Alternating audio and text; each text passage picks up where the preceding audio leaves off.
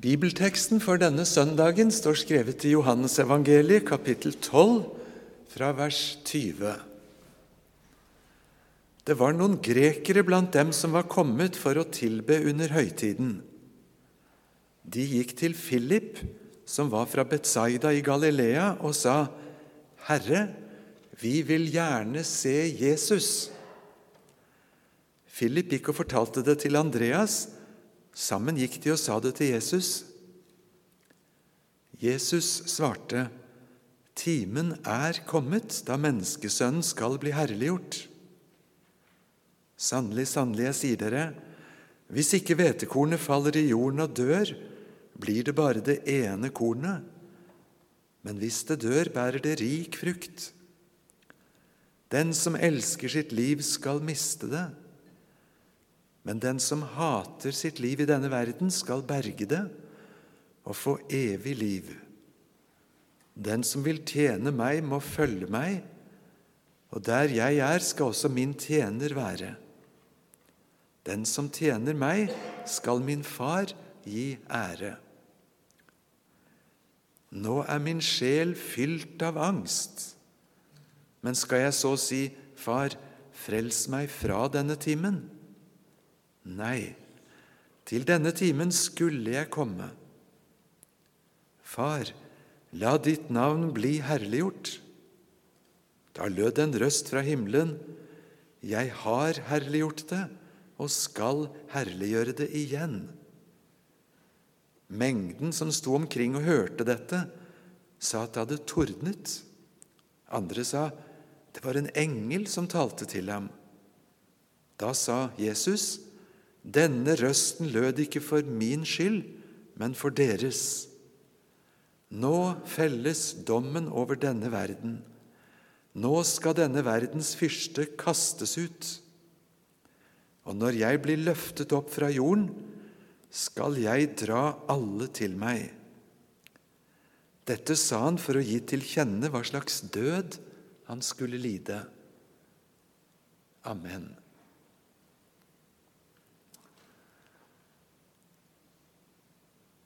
Vi vil gjerne se Jesus. Tenk for en anledning. Tenk for et ønske. Å, som jeg skulle ønske naboene rundt meg i Ekornveien 18 ville komme og si Beklager at jeg ringer på, men jeg vil så gjerne se Jesus. Hvis de tar opp noe som har med kristentro å gjøre, så er det gjerne homofili og kvinnelige prester og Israel og kontroversielle ting. Men å gå rett på sak Vi vil gjerne se Jesus. Skal tro hva det hadde løst ut for en alarm hos mine gode venner i Japan, der jeg fikk vokse opp. Hvis noen ringte på døra til misjonærboligen og sa vi vil så gjerne se Jesus. Og faktisk, de som ba sånn, de var altså grekere. De var kommet til høytiden i Jerusalem for å tilbe, står det. Og Så forklarer ikke Johannes om de var eh, jøder bosatt gjennom noen generasjoner i et greskspråklig land, eller kanskje heller om de var grekere som på et tidspunkt hadde vendt seg til jødenes gud, kanskje også blitt omskåret, og nå kom for å tilbe. Eller muligens var de ikke kommet like langt på den veien. Uansett fra vårt perspektiv for en misjonsmulighet. Her kommer folk reisende i kanskje en uke eller tos reise. Og så kommer de og finner en av Jesu disipler. Vi vil gjerne se Jesus. Har dere tenkt over det at Jesus, han som ga oss misjonsbefalingen, og som faktisk ga oss mange misjonsbefalinger hvis vi leser alle evangeliene Han eh, reiste ikke særlig utenlands, gjorde han det? Han kryssa så vidt grensene mot øst et par ganger, og mot nord. I tillegg til at sammen med mor og far så ble de jo politiske flyktninger til Afrika. Da han var nyfødt baby og måtte flykte fra Herodes, som ville drepe alle guttebarn. Men ellers så levde Jesus blant jøder, stort sett i deres eget land. Ikke fordi man ikke visste om en verden lenger bort. De var en del av Romerriket, som de ble påminnet morgen, middag og kveld, med romerske soldater på hvert gatehjørne. Og Romerriket var på denne tiden opptatt av å utvide riket sitt langt inn i Storbritannia, erobringskriger mot London. Men Jesus han levde sitt liv i landet. Han sa vel også en anledning eller to at han var ikke utsendt til andre enn de fortapte får av Israels folk. Og Så kommer dette veldige skiftet imot misjon når han befaler sine etterfølgere å gjøre alle folkeslag til sine disipler. Nå gir ikke Johannes oss noen mer informasjon om disse grekerne faktisk fikk møte Jesus. Når du bare leser teksten, så kan det nesten virke litt uærbødig sagt som 'god dag med økseskaft'. Vi vil gjerne se Jesus, og så hører vi ikke om noen audiens eller noen misjonsforkynnelse. Eller gjør vi det? For teksten går rett på den dypeste kjernesannheten i kristen tro. Hvor er Jesus i sitt eget liv denne dagen? Han er noen skritt unna Golgata. Seks dager før påske sto det i nærheten her. Den påsken der Jesus ble først hyllet, så dødsdømt og korsfestet, og siden sto opp igjen. Gjennom Johannes evangeliet så har vi fått høre varsomt antydet Min time er ennå ikke kommet. Og det gjentas igjen og igjen, igjen og igjen, helt til vi faktisk er i vår tekst, hvor Jesus sier timen er kommet. Og Han gjentar det både til disiplene og i bønn, sin ypperste prestelige bønn et par ganger til. Leser du Johannes evangeliet sammenhengende 21 kapitler, så er det som om du begynner allerede i kapittel 1 å høre trommevirvelen i bakgrunnen, som bygger seg sterkere og sterkere, men ikke ennå. Ikke ennå er timen kommet. Og så kommer vi hit hvor vi er. Nå er timen kommet. Nå basuneres ut Hva for noe? Følgende sannhet. Hvis ikke hvetekornet faller i jorden og dør, blir det bare det ene kornet. Men hvis det dør, så bærer det masse frukt. Da snakker Jesus i første omgang og først og fremst om seg selv. Han sammenligner sitt liv og sin hva heter det på moderne språk? Sin identitet med et hvetekorn som må dø for at noe skal vokse fram. I den harde, kalde, mørke, svarte jorda. Og dø med den hensikt at noe skal vokse frem. Det er det man kaller hvetekornets lov. Skal det bli til 30, 60 og 100 fold, så må de seg selv dø. Det er morsdag i dag, og jeg måtte påminnes Kanskje høres det ut som en avsporing. Litt om min gode, gamle mor. Som nok syns det at det ble en del skrukker og folder og ikke så megen ungdommelig skjønnhet som hos sine døtre. Hun levde til hun var over 100 år gammel. Og Med jevne mellomrom så forklarte hun oss hva det er å være mor. Og Som bondejente fra landsbygda inne i Vestfold så henta hun fram et eksempel som ikke var liksom det lekreste jeg kunne se for meg. Jeg er ei settepotet, sa hun.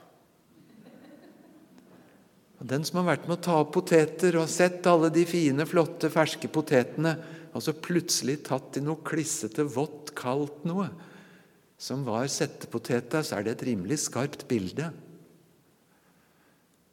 Hun prøvde å venne seg menneskelig sett til den virkelighet at jeg får lov å være en settepotet.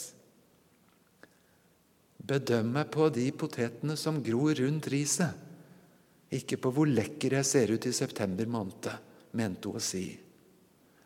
Hun hadde forresten et annet bilde på å være mor, som også minte oss på når det var morsdag.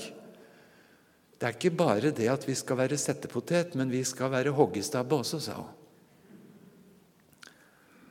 En gang søsteren min kom litt sånn fortrekt tilbake etter ganske krevende dager, så merka mor min det, og så sa hun Hvis du trenger det, så skal du få lov til å dælje løs. Nå snur jeg baken til, så kan du få ut alt som er der. Det er mer å si om min gamle mor, men du hører litt tankegangen så langt det rekker på et menneskelig plan. Jesus siterer hvetekornets lov som en sånn litt allmenn sannhet, men her er det ikke snakk om prinsipper og abstrakte paradigmer. Det er jeg. Det er jeg. Men før vi følger det sporet videre i teksten, så alminneliggjør Jesus det også på en måte. For til sine tjenere, til sine etterfølgere, så sier han at den som elsker livet, tviholder på livet, skal miste det. Men den som mister livet, skal bevare det. Med bitte små variasjoner så sa Jesus det så mange ganger at det er faktisk det Jesusordet som siteres flest ganger i evangeliene. Seks ganger fordelt på fire evangelier. Den som mister sitt liv for min skyld, skal finne det. Men den som bevarer eller tviholder eller finner livet sitt, skal miste det. Og Det sa han når han forklarte uttrykket 'fornekte seg selv'. Ikke bekrefte seg selv. Ikke utfolde alt med hva jeg føler på, men grunnleggende sett å si nei til det. Det har Jesus talt mange ganger om. Det høres veldig negativt ut. Og det må være alvor, for han legger til et annet, enda mer dramatisk uttrykk. Det handler om å løfte sitt eget kors opp og så følge Jesus, som endte i døden. Når Paulus tar tak i samme uttrykk, så blir det en merkelig selvpresentasjon. Jeg lever ikke lenger selv, jeg er død. Jeg ble korsfestet sammen med Kristus. Jeg ble til og med begravet sammen med ham. Og så ble jeg reist opp sammen med ham. En merkelig måte å gå rundt i gatene i Korint på, er det ikke det? God dag, mitt navn er Paulus, jeg lever ikke. Hvis du ser noe du syns lever, så døde jeg for lenge siden i Jerusalem sammen med en dødsdømt snekker fra Galilea. Rett og slett å sette et så skarpt skille mellom før og nå som død og nytt liv. Eller som en helt ny fødsel, som Jesus forklarte til Nikodemus. Hvis du er med på et lite bilde fra mobiltelefonens verden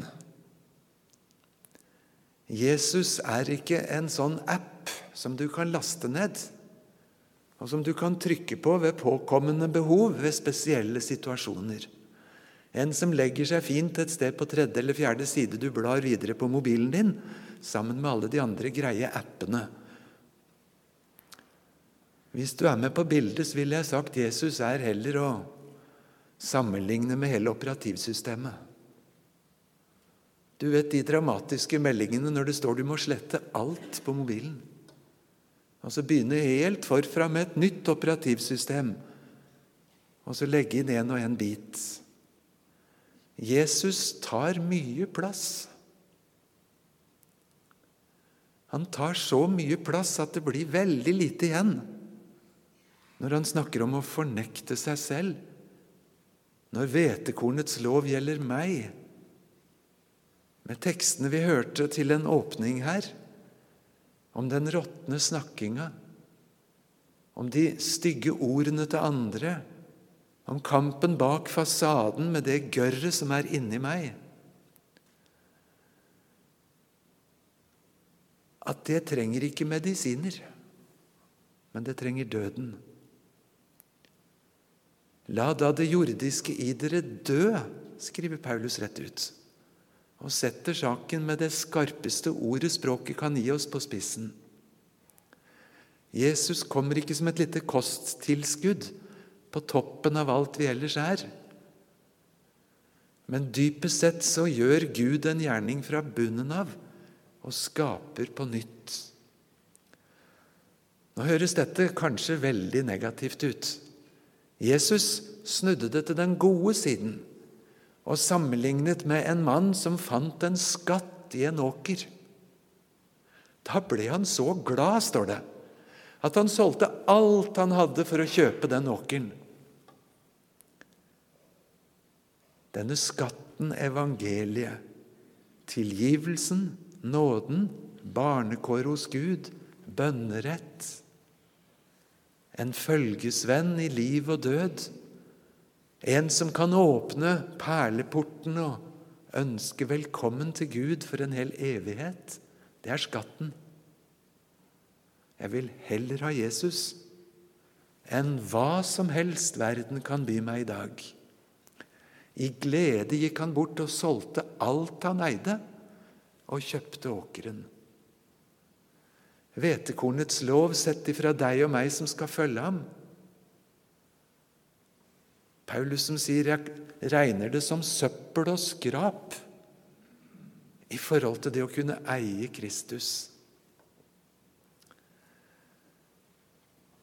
Men så er altså hvetekornets lov gyldig for Jesus på en helt spesiell måte.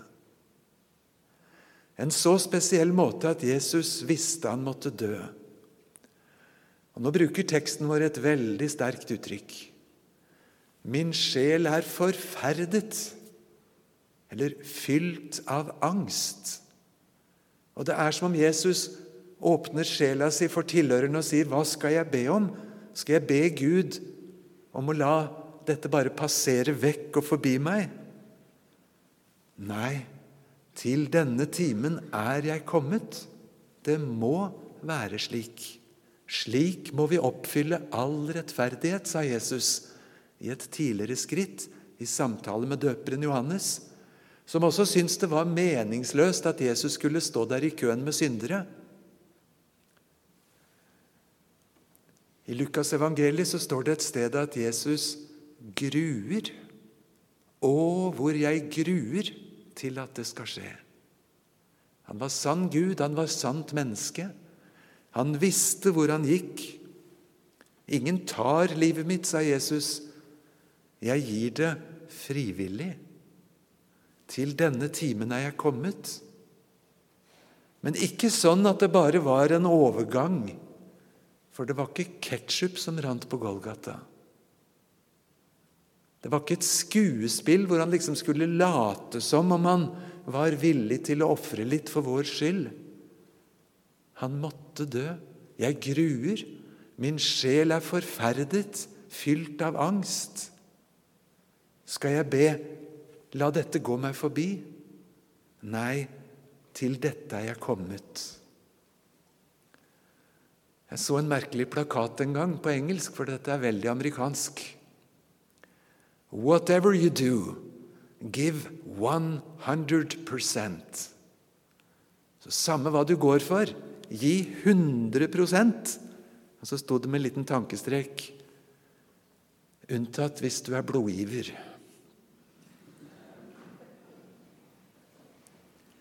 Hvordan tror du de tok imot meg på blodbanken på Ullevål hvis jeg sa det at dette er en litt spesiell dag for meg? Jeg syns det dere driver med her, er så viktig, og det kan jo faktisk redde liv. Og så syns jeg det er så pinglete at jeg skal gi en liter eller halvannen. Så i dag har jeg bestemt at dere skal få lov å tappe meg til siste dråpe. Hva tror du de ville svart da? Ironien i dette er at Jesus er en blodgiveren som ga 100 Ikke som en misforståelse, ikke manglende innsikt i fysiologi og anatomi. Til dette er jeg kommet til verden. Det underviser meg noe om at Gud tar synden mer på alvor enn jeg gjør. Jeg kan kanskje komme opp med den tanken at han kunne jo bare glemme det og se en annen vei, tenke på noe hyggeligere. Og tro altså at han tar like lettvint på synden som meg. Men når Gud ordner opp, så ordner han opp ifra topp til bånn. Ifra den innerste avkrok av mitt hjerte til denne verdens fyrste som nå skal kastes ut, sa Jesus i samme teksten vår. Nå er jeg kommet for å holde dom. Denne verdens fyrste, Satan selv, han skal kastes ut. Og Når Gud tar et oppgjør med synden, så tar han det fra bunnen og til topps. Sånn at ikke synden kan snike seg inn bakfra igjen. Men når han, den siste dommen, er ferdig med det, så står det at det finnes ikke tårer, ikke død. Da finnes det ikke synd. Da er Gud alt i alle. Og så tar Gud grep med synden ifra det dypeste til det toppen, eller hvordan du vil definere det. Guds mangfoldige nåde, Guds mangehånde nåde, Guds mange slags nåde, skriver Peter om i 1. Peter 4. Du og jeg som har fått ta imot den, vi er satt til å dele videre av denne mange slags nåde. Den som er så dyp at syndens dyp aldri når lenger enn at Guds nåde er enda dypere. Den synden som tårner seg mot himmelen så vi ikke ser sola, den når likevel ikke så høyt som Guds nåde. Den synden som breier ut hele synshorisonten, når aldri så langt at ikke Guds nåde er enda videre. Og nåde betyr ikke bare å forandre fokus og tenke positivt. For Jesus handlet det om en blodgiver som ga 100% Og Da har vi en ett nøkkelord i teksten som kanskje ikke vi syns passer. Og Det er at denne korsets vei med hvetekornets lov, den kobler Jesus med ordet 'herliggjøre'. Er det ikke herlig? Nei, det er ikke mye herlig. Jo, det er herlig, sett fra evighetens ståsted. Denne korsets vei som Jesus var forferdet over, den er samtidig veien til å bli herliggjort. Det ligger en slags ironi i språkbruken, ikke minst i det verbet som handler om å løfte opp eller opphøye. Allerede til Nikodemus hadde Jesus snakket om at han selv, menneskesønn, skal bli opphøyet på samme måten som Moses hengte høyt opp en kobberslange i et tre. For å bli korsfestet det betydde bokstavelig talt at noen heiste kroppen din en par-tre meter opp. Men det var jo ingen opphøyelse i betydning ærefull død. Tvert imot hensikten var å vise den mest skambelagte, hjelpeløse, tapende stakkar. Og så bruker Jesus med vilje både herliggjøre og opphøye om hans vei med tornekronen, bærende korset, inn i døden, forlatt av Gud og mennesker tre dager i graven, reist opp fra de døde, herliggjort. Og Paulus snur på samme språkbruken og sier egentlig så vet jeg ikke noe annet jeg vil rose meg av enn Jesu kors. Ved det er jeg død for verden, og verden er død for meg. Og Kristi kors Det er Guds ultimate visdom. Verden rister på hodet. De syntes ikke det var mye visdom. En ting var en Sokrates som kunne gå det i sin egen dødsstraff i møte med selvkontroll og småspøke om at giften han hadde tømt, begynte å kjennes litt i føttene. Men liksom høyt hevet over omstendigheter i livet. Mens Jesus sier rett ut at han gruer. Han er forferdet. Han døde som en taper i verdens øyne. Reiser verden rundt i Romerriket og forteller at han som ble behandlet sånn som denne taperen, han er Guds visdom. Han er min ros. Jeg vet ikke noe flottere å assosieres med enn det korset til Han, blodgiveren. Han som med sitt blod har renset oss fra våre synder, gjort oss til konger og prester for Gud vår Far. Det er faktisk himmellovsangen ifølge Johannes' åpenbaring. Du møter det både i kapittel 1 og i kapittel 4 og 5. Det er det de driver med å synge lovsang om i himmelen. Du, Jesus, er verdig, for med ditt blod har du løst oss fra våre synder og gjort oss til et kongerike av prester for vår Gud. Liten bakgårdsmenighet i en støvete, lilleasiatisk by. Der inne sitter en liten gruppe som kaller seg konger og prester. Ja, for i himmelens regnskap, på himmelkontoen, så er all minus vasket bort. Og så har Jesus flytta inn på kontoen, og så står den i pluss på grunn av min stedfortreder. Jeg må få slutte med en episode jeg aldri skal glemme. En student som skulle skrive en større oppgave om dommedagsforestillinger i Koranen og i Bibelen, en sammenligning. Og hun fant så mange likheter. Og hun nevnte at ifølge Koranen er Allah rettferdig, og det sier jo Bibelen om Gud. Og Allah er hellig, og det sier Bibelen om Gud.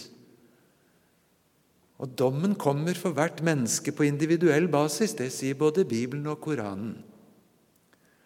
Og det regnskapet, det omtalte hun på den måten muslimer gjerne gjør med denne vekta, den skålvekta som de hadde i gamle kjøpmannsbutikker, hvor du la noen vektlodd på den ene siden som skulle til slutt balansere selve varen du skulle veie på den andre. Dommedag, det er at Allah skal ta alle mine synder i den ene vektskåla og alt det gode jeg har gjort i den andre. Da er det viktig at det er mest i den gode, som hun sa. Men her er det noe jeg ikke har funnet i Koranen, som Bibelen påstår. For Bibelen trekker inn at en storebror kommer, og så setter han seg i den plusskåla mi. Og så tipper det sånn. Det har jeg ikke sett noe om i Koranen, sa hun. Hører du budskapet? Om en Jesus som kommer inn i mitt regnskap, inn på min konto og som vasker bort alle minus, og som for sikkerhets skyld setter seg i den vektskåla med det gode. Og så har jeg en storebror som har banet veien, en ny og levende vei, og så kan jeg med frimodighet tre fram like for Gud i navnet til Jesus. Takk og lov.